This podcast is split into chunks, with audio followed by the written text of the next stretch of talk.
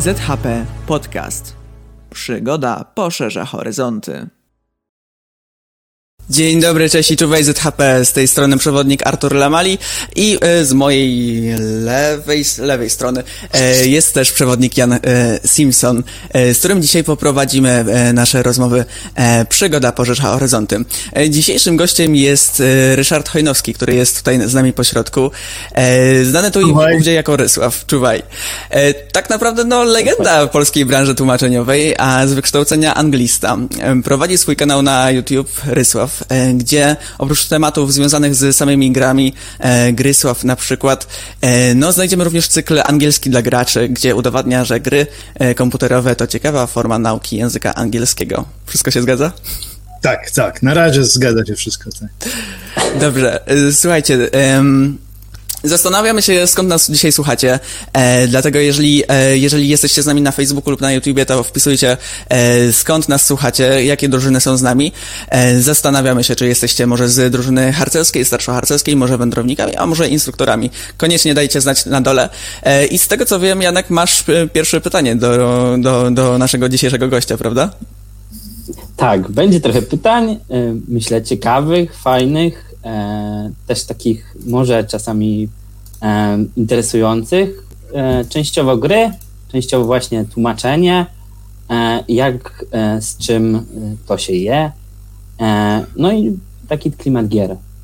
Mamy teraz trudny czas pandemii, kiedy uczymy mhm. się zdalnie. Ważne jest to, aby dbać o dystans, unikać kontaktów z innymi ludźmi. Wiele osób zastanawiając się, jak wykorzystać ten czas przymusowej izolacji, sięgnie po gry komputerowe zastanawiam się, jak połączyć przyjemne z pożytecznym. Czy mogą mhm. nas nauczyć, co mogą nas nauczyć gry komputerowe i po jakie z nich warto sięgnąć? Jakie tytuły, Twoim zdaniem, e, warte są wciągnięcia na kilka godzin czasami? No, w moim przypadku też jestem jakby graczem i też mnie to interesuje bardzo. Jasne.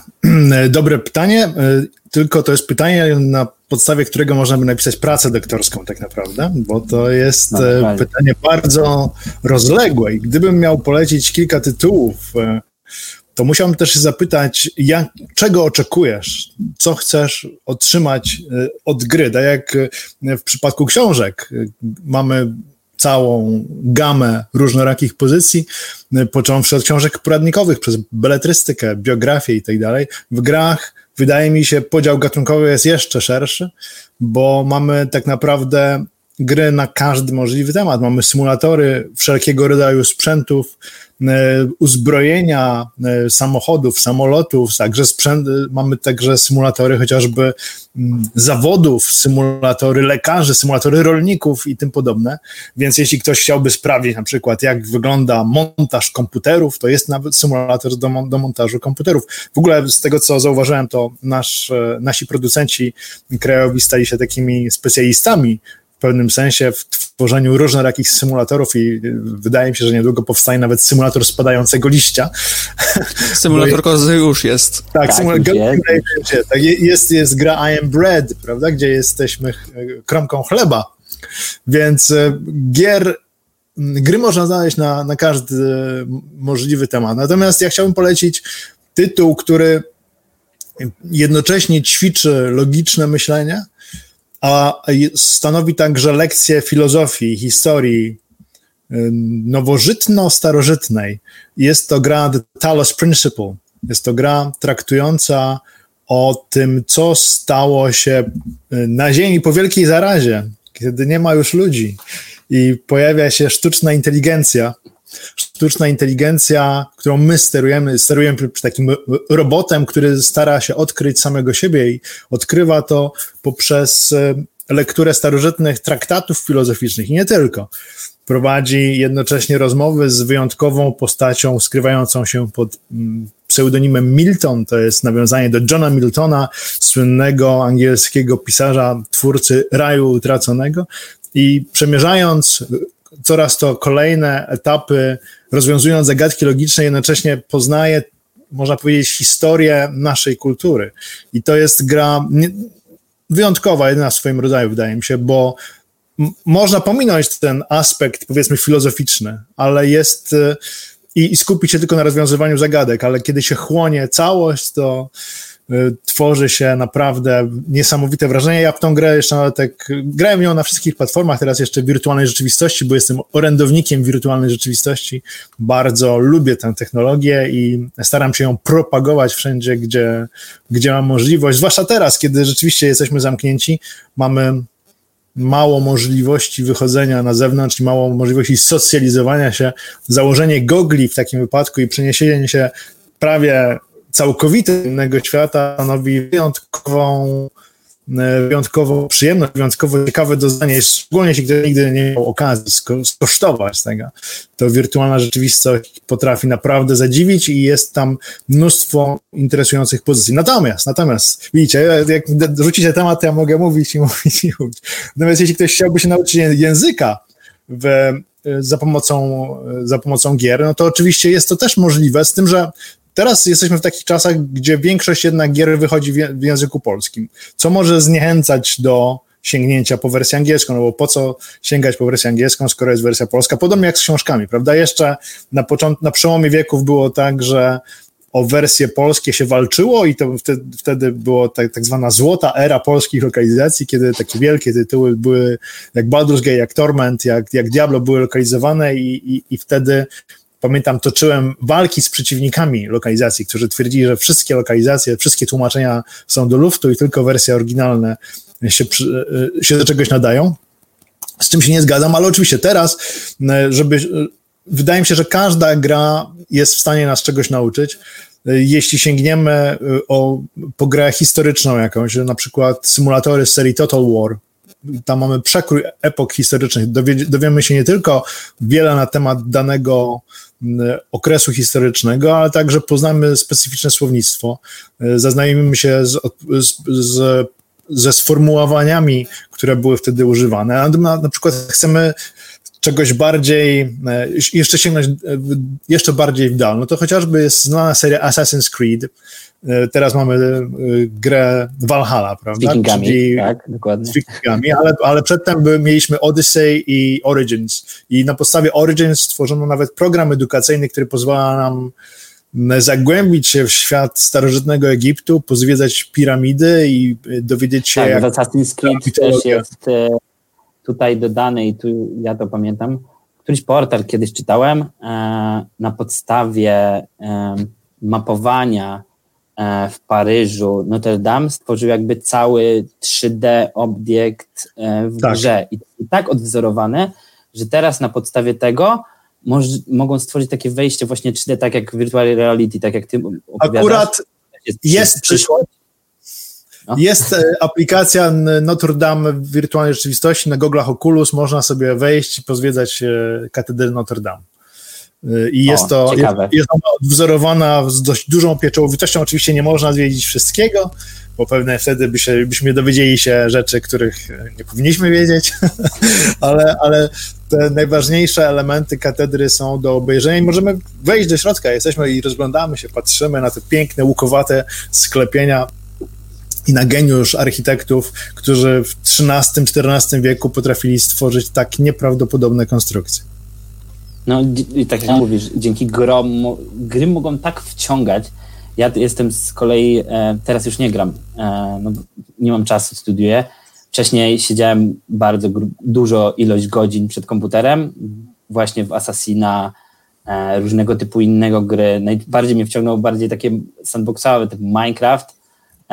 To dwa lata siedziałem w nim, ale wszystkie inne tytuły, które opowiadałeś, to, to jest taka klasyka gatunku pod względem tego, że przynajmniej musiałeś wejść na dwie, trzy godziny, przegrać i zobaczyć. No ja jestem z, te, z tego rodzaju graczy, tego, że kocham gry, które wciągają klimatem e, i to tak wciągają, że lubisz wracać do nich nawet po kilku godzinach siedzenia przed komputerem, nawet jak troszeczkę bolą cię oczy, to nie jest jakby e, zdrowe, tak, e, i nie polecam nikomu, e, no ale nie ukrywajmy, komputer teraz 2-3 godziny wieczorem, tak w normalną taką grę, która tak jak na przykład Wiedźmin ma ponad 100 godzin do grania i podejścia mhm. różnych typów misji, no to to jest prawie nic, tak? E, no, ja jestem tego typu, że właśnie takie wciągające gry, które ten klimat aż przyciąga. A, no. Właśnie o tym klimacie jeszcze porozmawiamy. Zresztą tutaj na naszym czacie na Facebooku trochę się zagotowało. Witają się, wita się z nami Paweł, Wdek, pa, tak, Paweł z Mikołowa, Julia z Zawiercia, E, jest naprawdę e, nas tutaj sporo, e, także z Wielkiej Brytanii. Widzę, że Martyna też bardzo się cieszy, że widzi dzisiaj Janka jako współprowadzącego. Jest z nami Maciej ze Świecia, również na, na YouTubie Hufiec Łódź, Łódź Widzew, pozdrawiamy. Ze Szwecji się z nami tutaj łączą nasi widzowie, super. Cieszymy się że bardzo, że jesteście. Jeżeli macie jakieś pytania, to zadawajcie je też w komentarzach spróbujemy na nie odpowiedzieć na koniec. E, a mnie zastanawia też... Bo, bo, bo, tak, gry komputerowe to jest jedno. I to też dobra okazja, by poćwiczyć swój język no. angielski. O, chyba już jest ok? Halo, halo? Halo, halo? Słyszymy się? Słyszymy się? Przez chwilę nie było obrazu.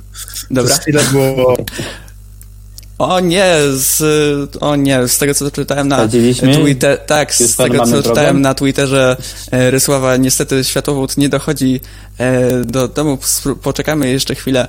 E, okej, okay. i już powinno być okej. Okay. Coś, coś się działo dziwnego? Czytałem, że problemy ze światłowodem ja, ja na Twitterze. Jestem, nie wiem, czy to u mnie się... Czy... tak, ja cały czas jestem na LTE niestety, no to jest... No, czyli widocznie walczę, jak walczę, niby... Jak za, w zasadzie to jest niezależne od wiatru. Wydaje mi się, że to jest po prostu obciążenie sieci. Im więcej osób korzysta, a tutaj jestem na takim osiedlu, że nie ma w ogóle dostępu do sieci kablowej, wszyscy korzystają z LTE, jest taka godzina, że mogą być, może być kumulacja, wysycenie tej sieci i z tego powodu u mnie, mam nadzieję, że, że to był ostatni taki przypadek teraz. Daliśmy radę, daliśmy radę. E, no właśnie, i tak się zastanawiam, czy wszystko jedno, jaką grę, bo załóżmy, że ktoś by chciał e, faktycznie tego angielskiego e, z gier się uczyć, to czy to wszystko jedno, jaką grę wybierzemy w języku angielskim, czy może jednak warto na coś zwrócić uwagę, żeby się nie zniechęcić, no i na tym jak najwięcej skorzystać? No na, na pewno nie, nie jest to wszystko jedno, bo są takie gry, gdzie ten język angielski jest dość wysublimowany i trudny. Teraz wyszła taka gra mm, Disco Elysium, gra RPG, która ma bardzo, bardzo dużo tekstu i to jest tekst e, dosyć barokowo e, zapisany, dosyć czasami wręcz poetycki i jeśli ktoś nie zna angielskiego na, na, dość wysokim poziomie, to może sobie nie poradzić. Podobnie było kiedyś z grą Planescape Torment, którą tłumaczyłem, współtłumaczyłem. Tam też ilość tekstu, tekstu która przekraczała bodajże 3000 stron e, i jego skomplikowanie sprawiało, że bez lokalizacji ta, ta gra była dość hermetyczna, mało przystępna dla polskiego odbiorcy. Należy sobie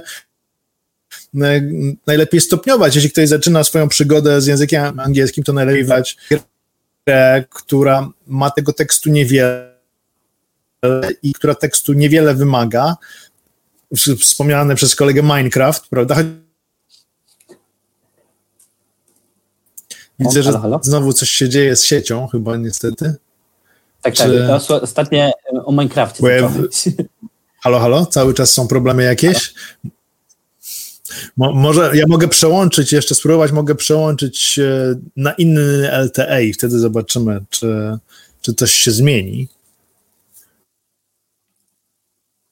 Nie słychać cię, Artur.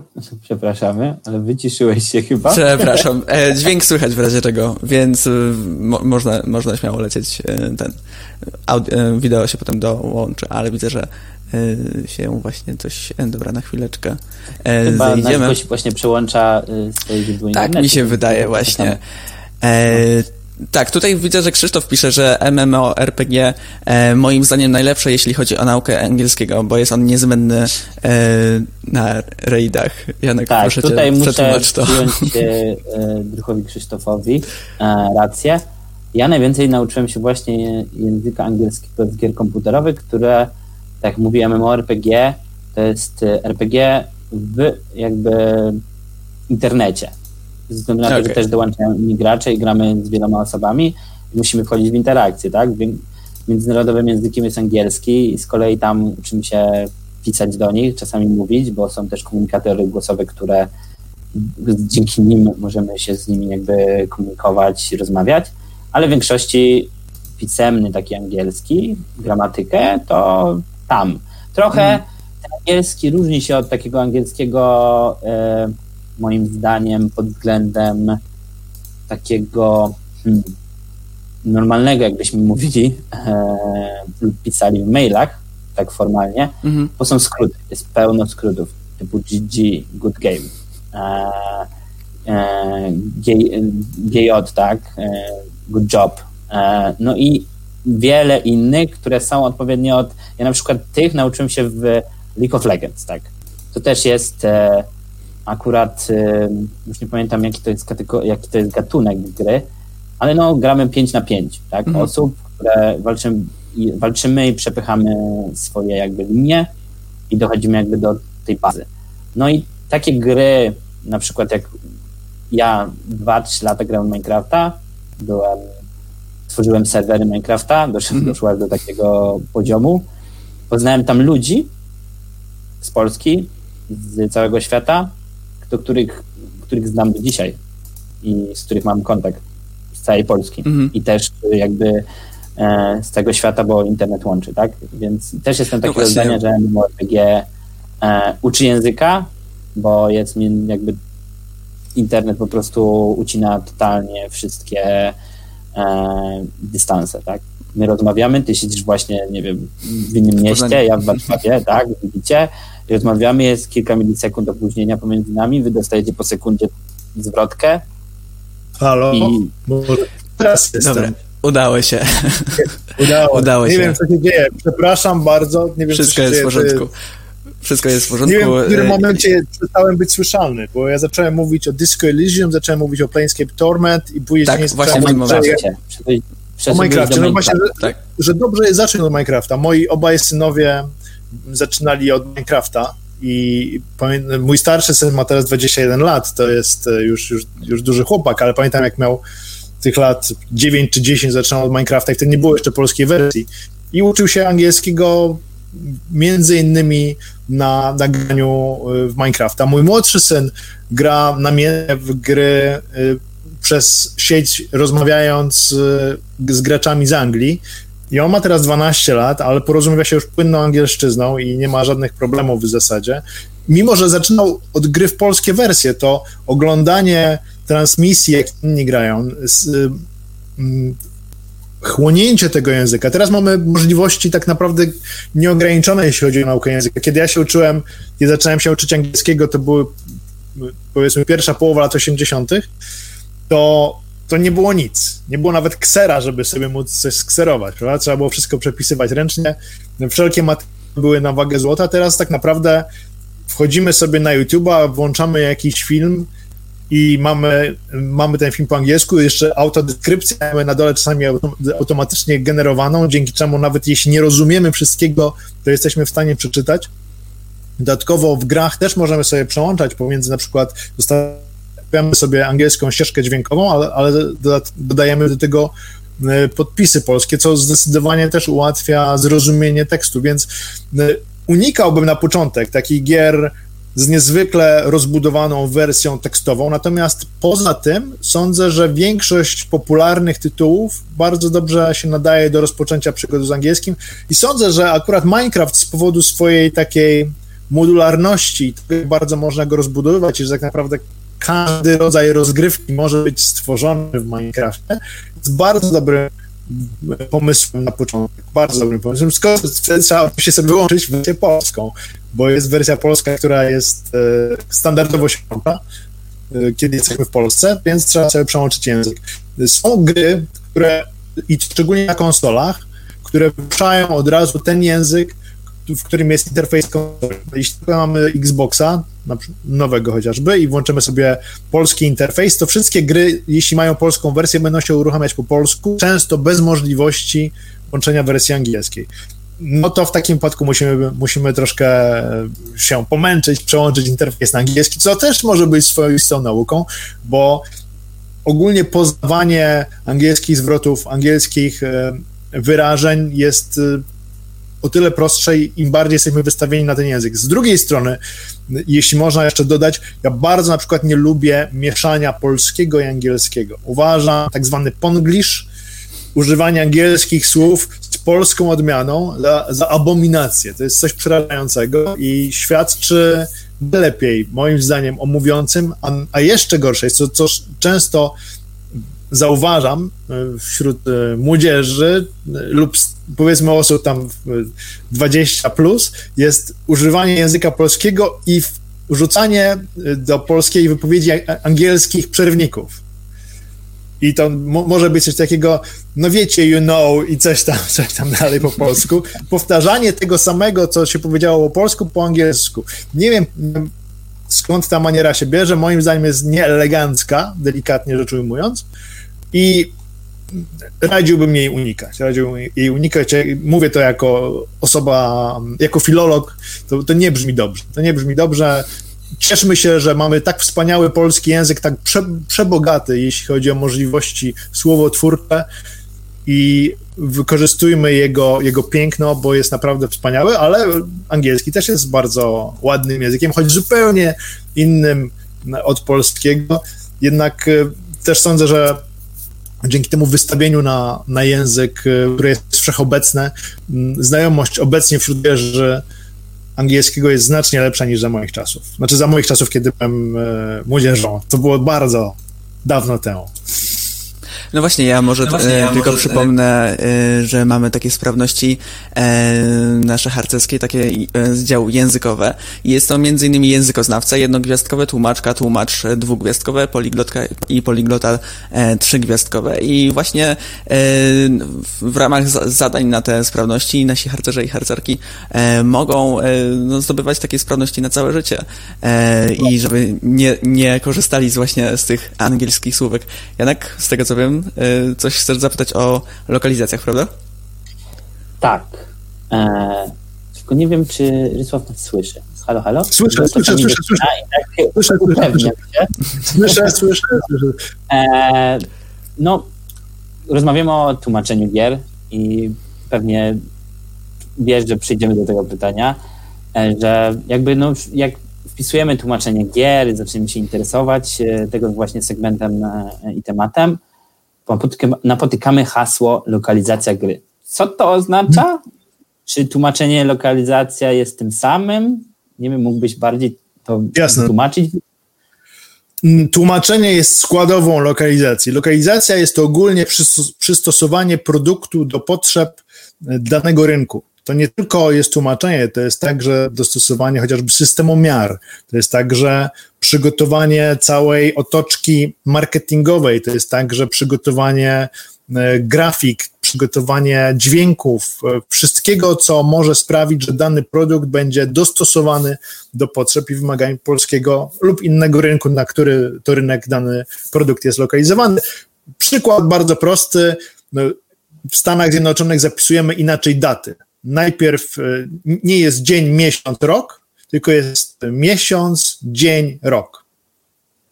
Lokalizacja to jest też odpowiednie przestawienie tego formatu, żeby był czytelny dla Polaka. E, chociażby zapis, e, zapis godzin, gdzie w, krajach anglojęzycznych mamy AM i PM, prawda? Nie, nie stosowany lub rzadziej stosowany jest zegar 24-godzinny niż w Polsce i to też lokalizacja, to też jest przystosowanie zapisu godzin do, do polskich potrzeb. Zapisy liczbowe wszelakie, które mocno się różnią pomiędzy krajami. Sposób zapisu, prawda, bo w krajach, w krajach dalekowschodnich mamy zupełnie inne alfabety i inny sposób e, zapisu i sposób czytania, prawda? W Japonii czytamy od, dla nas od końca. I lokalizacja to też jest e, takie przystosowanie danego materiału, aby był jak najbardziej przystępny i czytelny dla odbiorcy w kraju docelowym. Więc w skład lokalizacji wchodzi wiele elementów. Tłumaczenie jest jednym z nich, dla części może najważniejszym, bo jest najbardziej obszernym, ale bardzo dużym, bardzo dużym aspektem jest też, są też nagrania dźwiękowe. Które nie są tłumaczeniem, ale stanowią, stanowią metodę przystosowania danego produktu do, dla polskiego rynku. Oczywiście są osoby, które uważają dubbing za zło, i twierdzą, że należy go tępić. Ja jestem zdania przeciwnego bo mamy naprawdę znakomitą polską szkołę dubbingową i najlepiej jest, kiedy jest wybór po prostu, kiedy gracz może sobie wybrać, czy chce słuchać oryginalnego tekstu, czy też polskiego. Mam takie założenie, że zawsze, kiedy robię jakąś grę, kiedy przygotowuję jakąś grę na język polski, chciałbym, żeby gracz nie chciał się zorientować, że ta gra nie powstała oryginalnie po polsku. Chciałbym, żeby odbierał ją tak, jakby była stworzona przez Polaków dla Polaków. I, I, to są też cechy dobrego tłumaczenia, że ono jest, nie, ono jest niezauważalne, nie, nie zauważamy żadnych błędów, żadnych potknięć, nie ma nic, co nas gryzie, co powoduje jakieś zdziwienie, co, co to ma znaczyć w ogóle. Prostu płyniemy przez ten tekst wchłaniamy go w naturalny sposób. I jeśli to się uda osiągnąć, no to jest pełen sukces.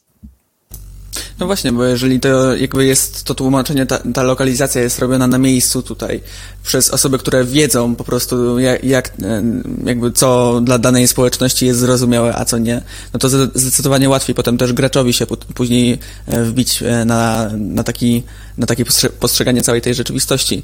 No a czym to tłumaczenie gier różni się od na przykład tłumaczenia filmów, czy, czy, czy książek, czy gier na przykład planszowych? Wszystkim mówiąc krótko, e, mówiąc bardziej szczegółowo, w tłumaczeniu gier mamy przede wszystkim najczęściej do czynienia z produktem żywym, który nie jest jeszcze skończony. Więc tłumaczymy coś, co powstaje. Nawet jeśli gra jakaś zostanie wydana, ona często dostaje aktualizację i dostaje mnóstwo nowych elementów. Ale to nie jest problem. Problemem jest brak kontekstu. O ile mamy książkę jakąś, czy film, to jest zamknięte dzieło, wiemy, kto jest pro, protagonistą, wiemy, kto jest antagonistą, wiemy, jacy są bohaterowie.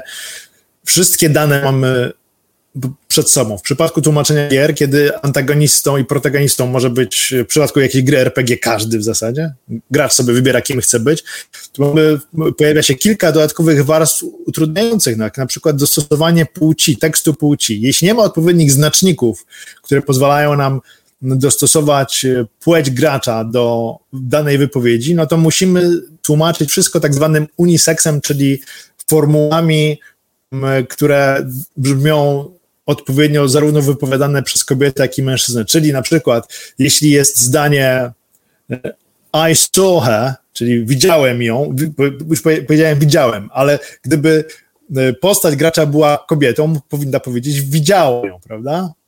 Jak to teraz zrobić, jeśli nie mamy możliwości ingerencji w tekst, żeby, żeby pojawiały się dwie różne wersje. Wtedy tłumaczymy coś typu udało mi się ją zobaczyć. Czyli tłumaczymy to w sposób e, UX-owy, pasujący do obu płci. Oczywiście najlepiej jest wtedy, kiedy możemy tłumaczyć każdą wypowiedź dwukrotnie jedną dla, dla wersji żeńskiej, drugą dla wersji, dla wersji męskiej. Ale problemy z płcią to jest tylko wierzchołek góry lodowej, bo ma, pojawiają nam się jeszcze zmienne.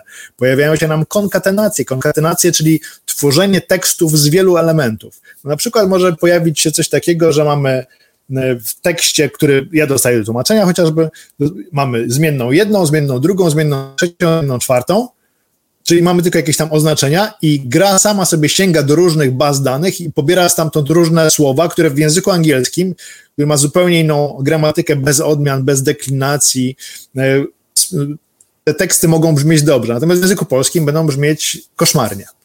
I my musimy sobie jakoś poradzić e, z konkatenacją, to jest bardzo trudne i, i, i tworzyć specjalne formy często, czy też nawet specjalne narzędzia, które pozwalają nam dodać ewentualnie elementy do odmiany. Ale pojawiają się właśnie też problemy ze zmiennymi, czyli wszelkimi elementami, jak już przed chwilką wspominałem, z, zabieranymi z baz danych. I na przykład nazwy przedmiotów, które są, składają się z kilku elementów. Jak chociażby w Diablo mamy przedmioty, każdy z tych przedmiotów jest przedmiotem tworzonym losowo w danym momencie. Oprócz oczywiście przedmiotów tam legendarnych, które są wyjątkowe, to większość e, przedmiotów to są nazwy tworzone losowo w momencie znalezienia tego przedmiotu. I za tworzenie tych nazw odpowiada odpowiednia formuła. Z tym, że żeby ta formuła odpowiednio działała, ja muszę przygotować teksty w taki sposób, żeby nie było czegoś takiego, że znajdujesz wielka ta, e, wielki tarcza na przykład. Czyli muszę, muszę przygotować teksty tak, żeby do, dopasować prefiksy do, do, do rdzenia e, danego wyrażenia, co nie jest też takie proste, bo tych nazw czy też rekordów w bazie danych może być kilka tysięcy. I, I to jest kolejny przykład. Inny przykład to jest brak kontekstu. Jak już też e, tak wstępnie o tym powiedziałem, kiedy tłumaczymy coś, nie wiemy bardzo często, kto mówi i do kogo mówi. I w jakim, e, w jakim stopniu, czy też w jakim, w jakim kontekście pojawia się dana wypowiedź. Czyli na przykład może, może pojawić się tekst typu go up there. I teraz tak y, do kogo się ten tekst odnosi? Czy on się odnosi do jednej osoby, czy idź, czy do wielu osób? Idźcie albo ruszajcie. Czy up there to jest przed wami na wprost, czy up there jest do góry?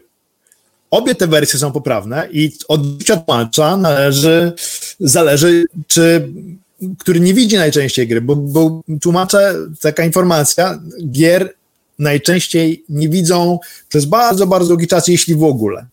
Więc to jest tłumaczenie po, po trosze w ciemno.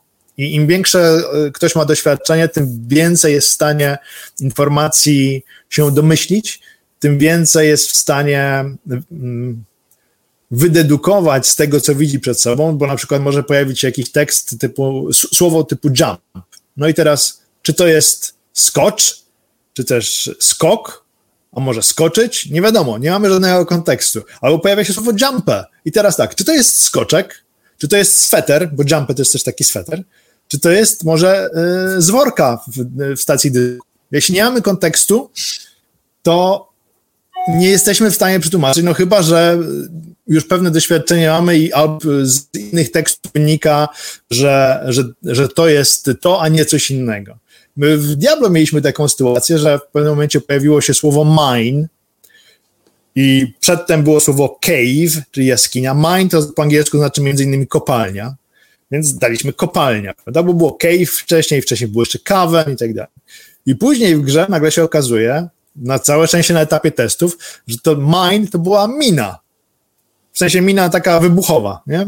I Dobrze udało się zmienić oczywiście, bo, bo, bo, są też testy, ale teraz wspomnieliśmy przed chwilą o grze e, Assassin's Creed Valhalla, prawda? I tam jest coś takiego, że możemy wejść do mm, menu mm, zmiany swojego bohatera, czy tam e, rysowania jakichś tam tatuaży, czy czegoś tam na bohaterze. I jest słowo chest, czyli klatka piersiowa, przetłumaczona jako skrzynia bo chest po angielsku to też nie skrzynia, prawda? Obok jest słowo back, które, które znaczy plecy, prawda? Chest i back, ale back znaczy też wróć albo cofnij się. I ktoś przetłumaczył tutaj jako, jako skrzynia, a plecy jako wróć. Nie miał, y, tłumacz nie miał kontekstu, przetłumaczył jak mu się wydawało, jak sądził, tester tego nie sprawdził, no i mamy taki efekt, jaki mamy. Czyli ogólnie tłumaczenie gier to jest e, moim zdaniem znacznie trudniejsza rzecz niż tłumaczenie książek, gdzie mamy wszystko podane. Oczywiście e, książki są często pisane bardzo trudnym językiem. No, nie śmiałbym porównywać tłumaczenia na, najbardziej skomplikowanej, chociażby do tłumaczenia Jamesa Joyce'a, na przykład Ulyssesa, albo Finnegan's Wake, albo, albo no nie wiem, no, Movable Feast, to są, to są rzeczy, które, na które można spędzić lata, starając się wszystkie, y, wszystkie nawiązania odnaleźć i odpowiednio je przełożyć. Poezja jest też niezmiernie trudna do tłumaczenia, prawda? Natomiast jeśli chodzi o sam stopień skomplikowania technicznego, to moim zdaniem oprogramowanie i gry jako takie nie mają konkurencji, jeśli chodzi o poziom trudności. Wow, to jest naprawdę. Nie spodziewałem się, że to jest aż tak skomplikowane, że jest tyle zmiennych, y, których, które no nie występują w filmie czy, y, czy w książkach, no, bo te, filmy to, to banał jest napisane. Filmy to banał, bo tam najczęściej jest niewiele tekstu. Naprawdę, filmy to jest największy banał. Tak, no, tam mamy stricte tekst, po prostu dialog idzie, a, a tu mamy e, z kolei dwie wersje tak płci, tak? Druga sprawa jest taka, i to mnie intryguje, i to jest moje pytanie, czy w systemie jakby takiego tłumaczenia trochę, no nazwę to trochę systemem, e, jest, czy może na przykład jak mówi po angielsku, jest dialog po angielsku, bo jak wyobrażam to sobie, że jak tłumaczysz grę, to tłumaczysz na przykład z angielskiego na polski, tłumaczysz na polski, później jest dubbingowiec, który to wypowiada, a teraz jest moje pytanie, czy na przykład e, gra ma możliwość, w grze pewnie jest możliwość, żeby dopasować mimikę twarzy, albo nie, bo w filmie już nie. To zależy, to zależy od gry.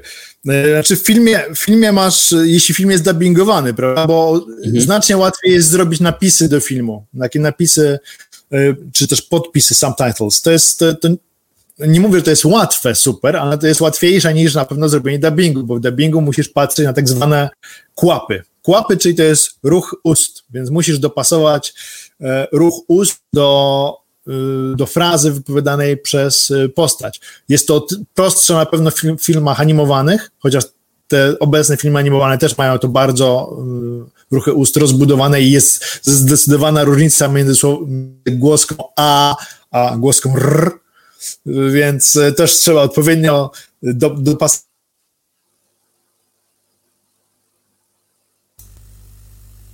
Halo, halo. Halo? Ja jestem.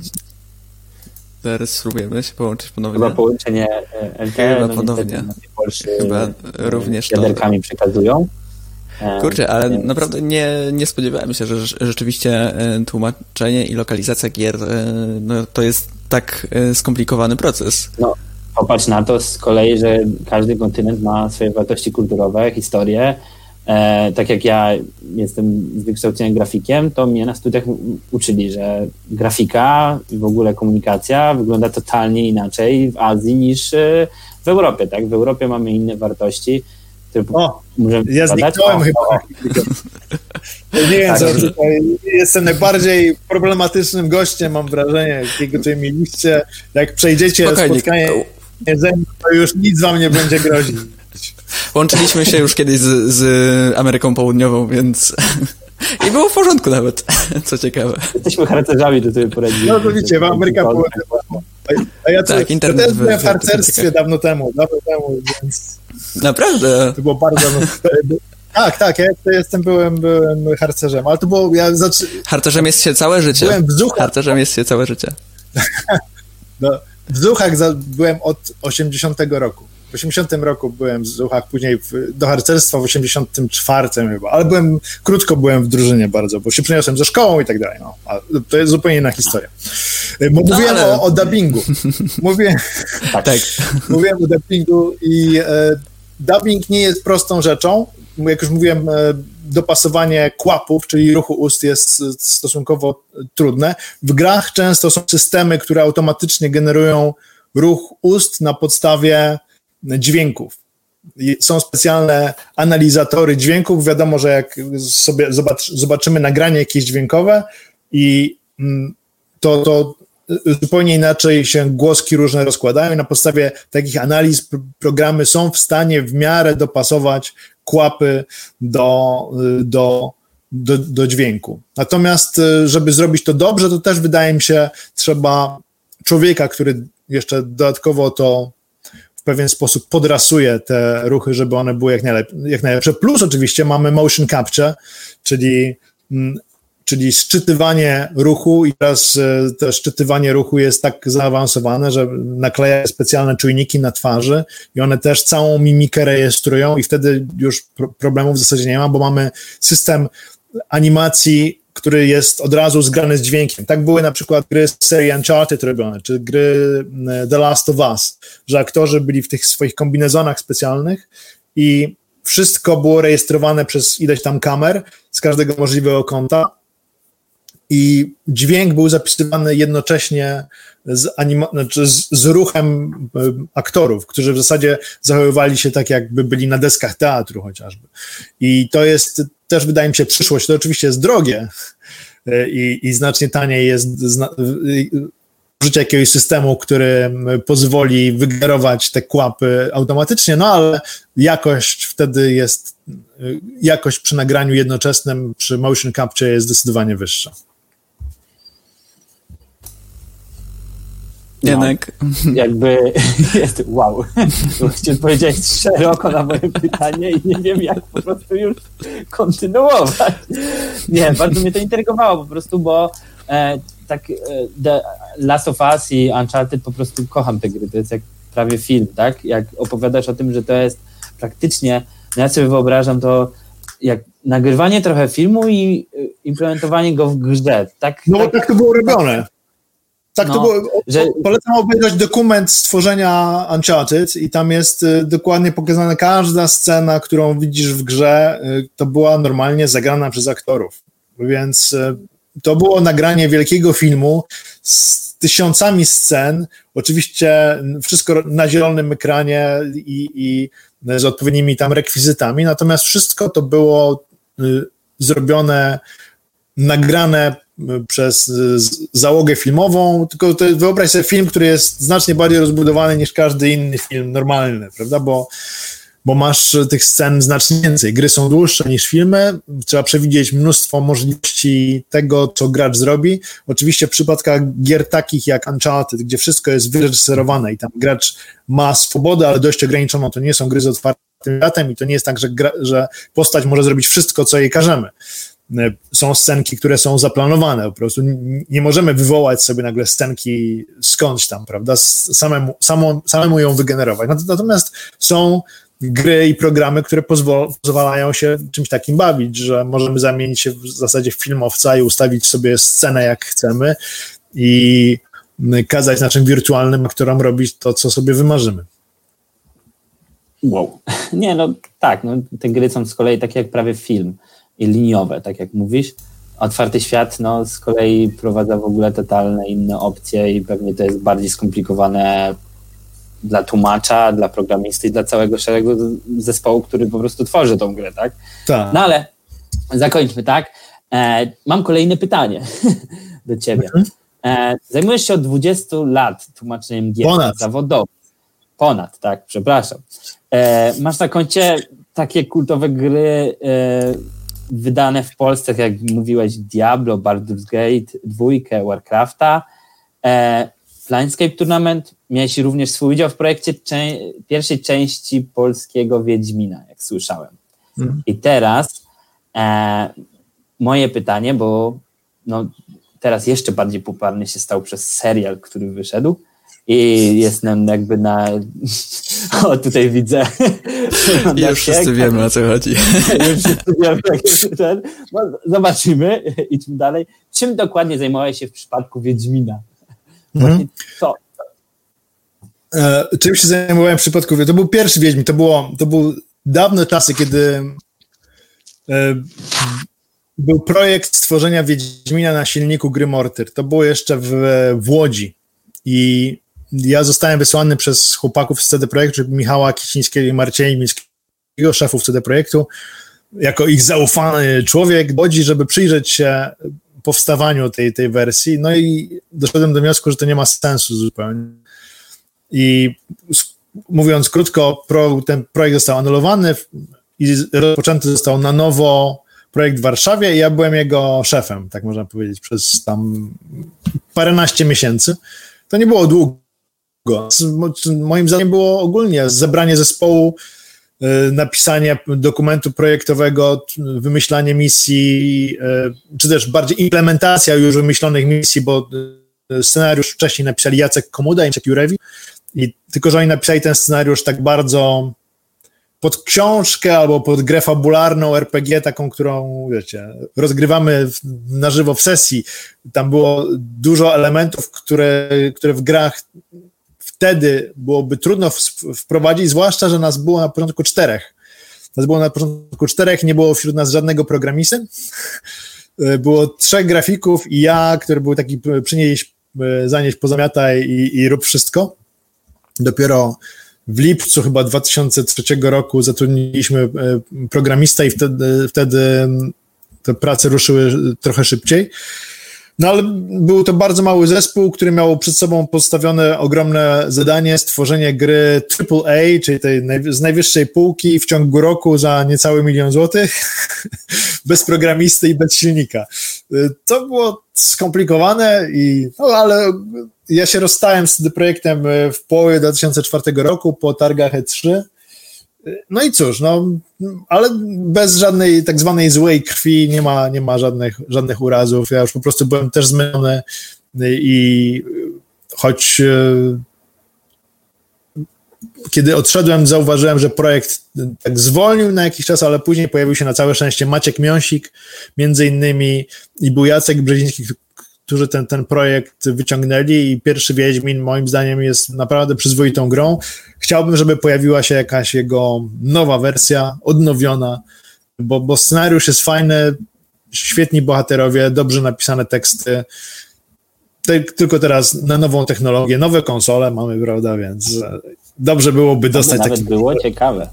Pakiet tak trzech Wiedźminów.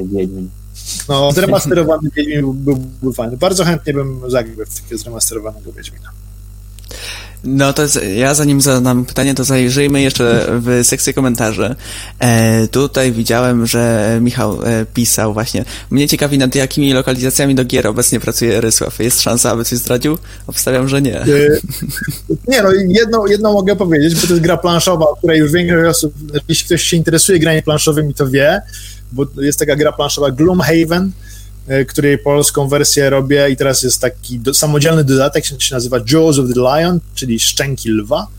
No i teraz właśnie go kończę tłumaczyć. Natomiast jeśli chodzi o grę y, komputerowe, konsolowe, no to niestety nie mogę powiedzieć. To są, to są tajemnice.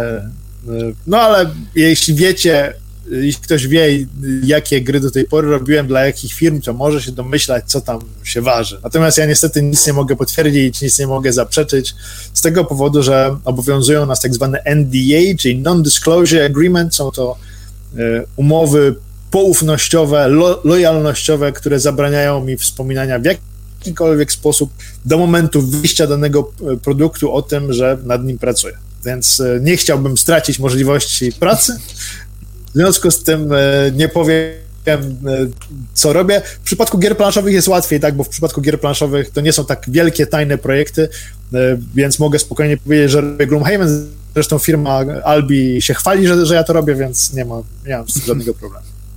No w takim razie pozostaje tylko e, polubić twój fanpage na Facebooku i śledzić twój kanał, e, no i czekać we wszystkich, e, we wszystkich mediach na to, e, co tam się pokaże. E, Sara z kolei pisała właśnie, że e, angielskiego uczyła się dzięki Tombi 2 i The Sims 1 i dwu, dwójki.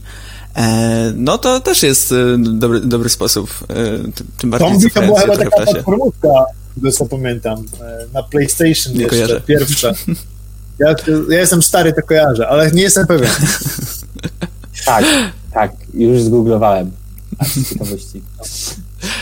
E, I tutaj właśnie jeszcze Hanna e, pisała o tym e, właśnie łączeniu angielskiego z polskim, że działa dwie, dwie strony. Moja córka urodzona na wyspach między innymi między innymi na grach uczy się języka polskiego. E, no właśnie, no jakby to jest też jakiś sposób, nie? Na, na to, żeby, e, żeby tego polskiego e, też się właśnie nauczyć.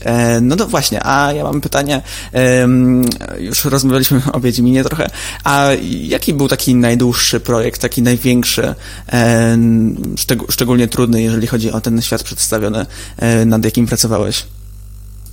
Hmm, wiesz co, wydaje mi się, że teraz, znaczy, jeśli chodzi o naj, najdłuższy, niekoniecznie jest najtrudniejszy, bo na przykład jest taki mhm. projekt, nad którym, pracu, nad którym siedzimy od pięciu lat i cały czas nad nim siedzimy, bo on cały czas żyje i powstaje, to jest Hearthstone, czyli gra karciana dla Blizzarda i pięć, jak nie więcej, już chyba sześć lat, a jeszcze była, było, był etap bety, więc y, to jest projekt cały czas żywy i, i, i powstający i cały czas się rozwijający, więc mm, długość projektu nie ma przełożenia na trudność. Wydaje mi się, że na pewno jednym z trudniejszych był, był Torment, Planescape Torment dawno temu.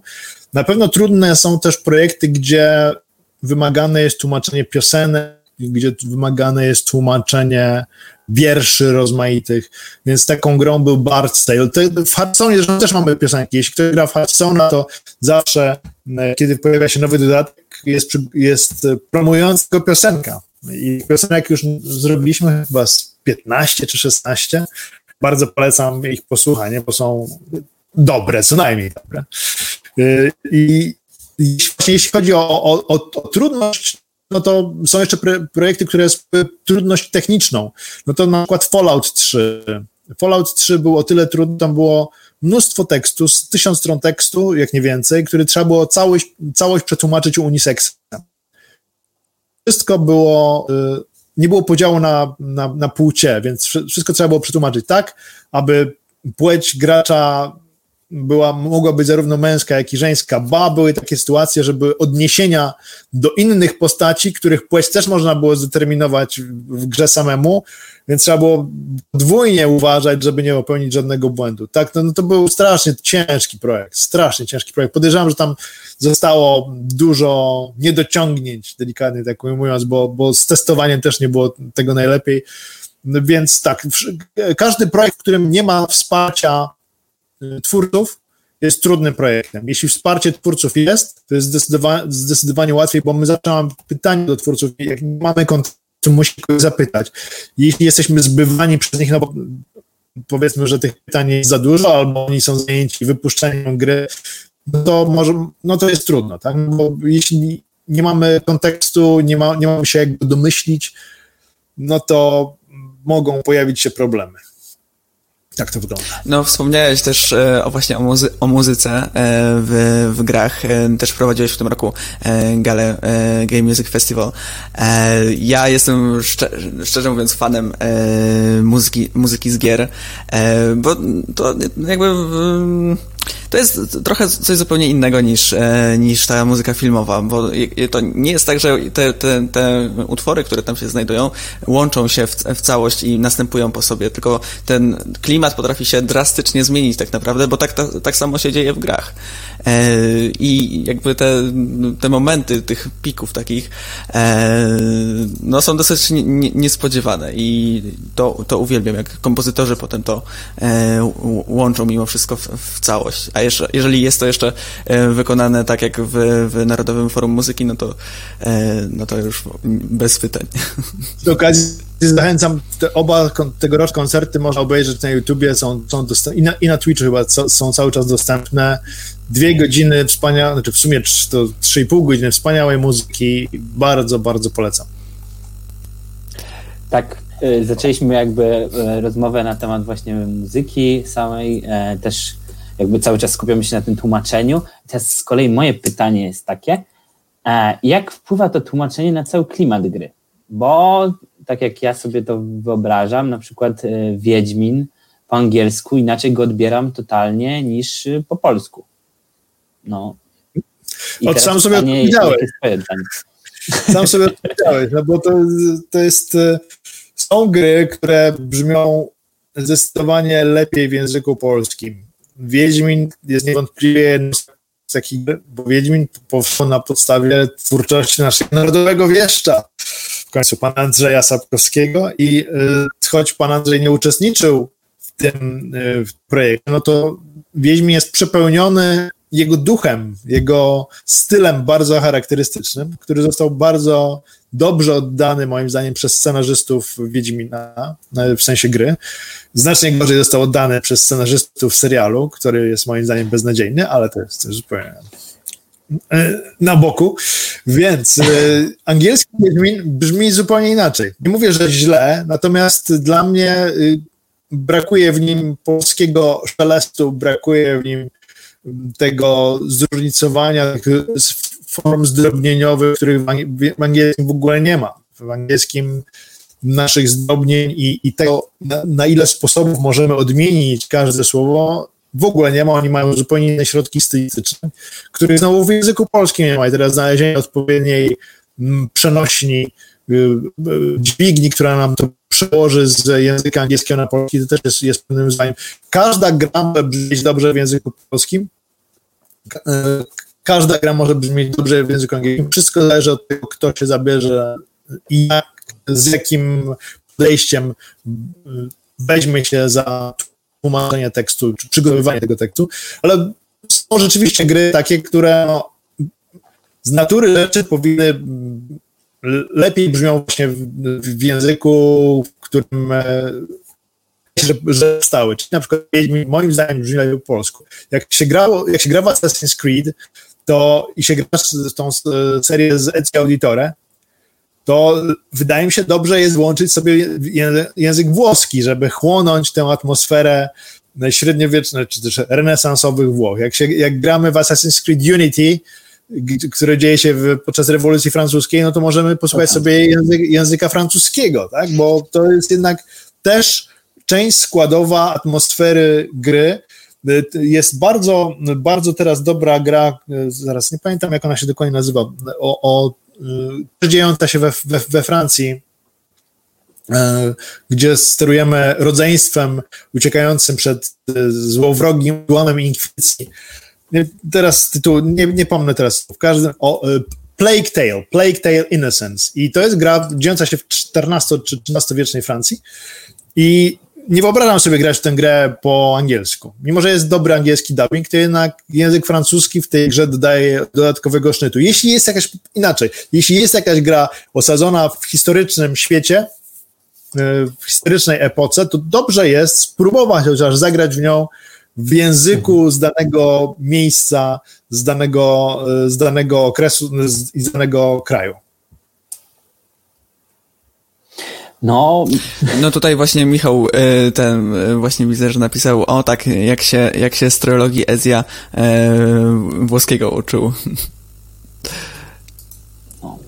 E, no właśnie, tu powoli będziemy zmierzać ku końcowi, ale tak się zastanawiałem jeszcze nad tym, mm, jak, jak to, że my pracujemy w harcerstwie systemem małych grup, czyli potem może się to przydać w przyszłości, chociażby pracując przy, w zespole tłumaczeniowym, czy pracując przy produkcji gier, no to zastanawiam się, co mógłbyś doradzić osobom, które chciałyby dzisiaj po rozmowie tak pracować ogólnie w przemyśle gier komputerowych. Czy w tym zawodzie potrzebni są tłumacze, graficy, programiści, czy można iść jeszcze w innym kierunku? Jak myślisz? Nie no, można iść w każdym możliwym kierunku, bo to jest tak y, rozwijająca się branża, że w zasadzie potrzebni są każdy, y, potrzebny jest każdy rodzaj umiejętności. Potrzebni są analitycy, analitycy danych, którzy niekoniecznie są programistami, ale na przykład analizują dane, które wpływają z mm, informacji zapowiadanych przez serwery, tak?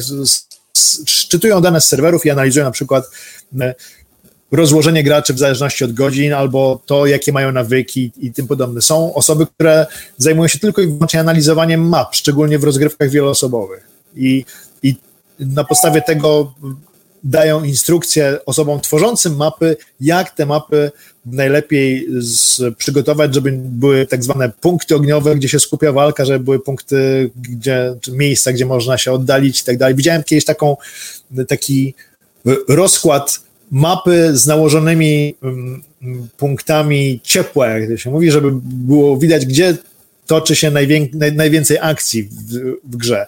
No i chyba ideałem jest stworzenie takie, żeby fragment takiej mapy był, był wciągający dla gracza. Tak.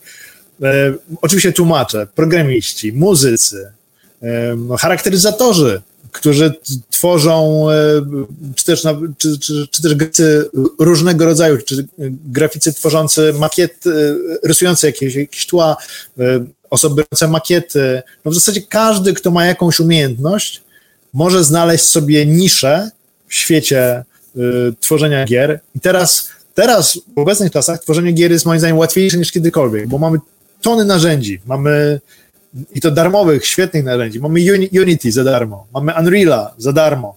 To są dwa potężne silniki, za pomocą których y, tworzone jest chyba, podejrzewam, 80% teraz gier na świecie i one są darmowe. Pamiętam, taka ciekawostka, kiedy y, chcieliśmy z Wiedźminem wejść, na, znaczy jakiś silnik kupić, no to naj, najtańsze silniki to było 100 tysięcy dolarów. To by nam zjadło połowę budżetu gier wtedy. Y, natomiast teraz wszystkie silniki są darmowe i można stworzyć sobie swoją grę. Y, są poradniki, są instruktaże, są, mamy YouTube'a, gdzie, gdzie można znaleźć odpowiedź na, na większość pytań, jakie taki potencjalny młody projektant mógłby mieć.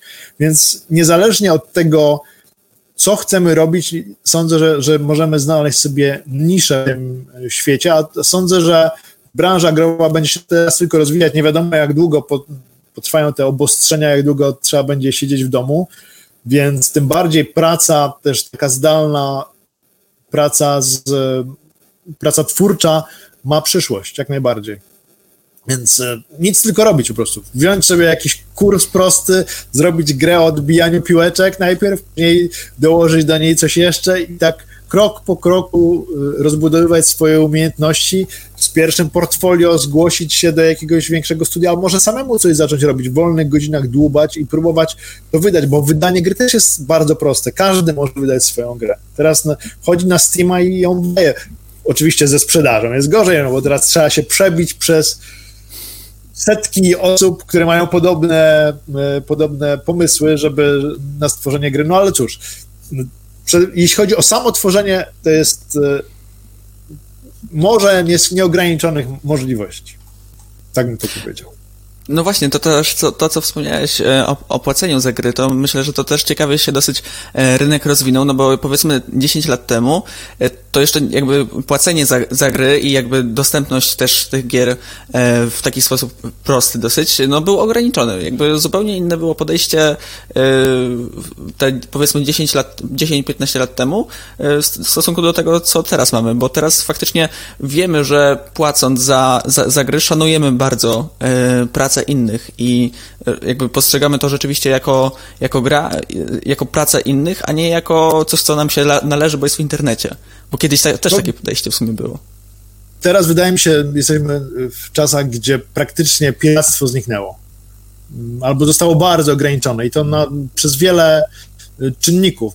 Gry bardzo staniały, można je kupować w pakietach, można korzystać z takich opcji jak Game Pass na Xboxie i na PC, gdzie płacimy abonament i mamy dostęp do tam ponad 300 różnych gier, więc e, już siła nabywcza pieniądza w stosunku do ceny, do ceny gier też znacznie wzrosła. Mówię, liczba gier ogólnie jest też gigantyczna. Jest mnóstwo gier darmowych, free to play, albo tak właśnie, czyli takich, gdzie trzeba jakąś drobną opłatę uiścić, żeby coś tam zdobyć.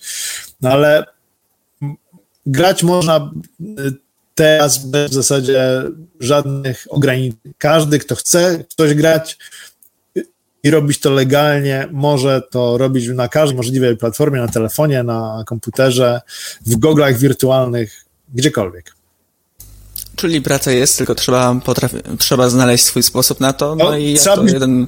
Tak jak to jeden youtuber kiedyś powiedział, e, krok pierwszy rób to, e, więc tak długo jak będziemy to robić, e, no to będziemy w tym mistrzami.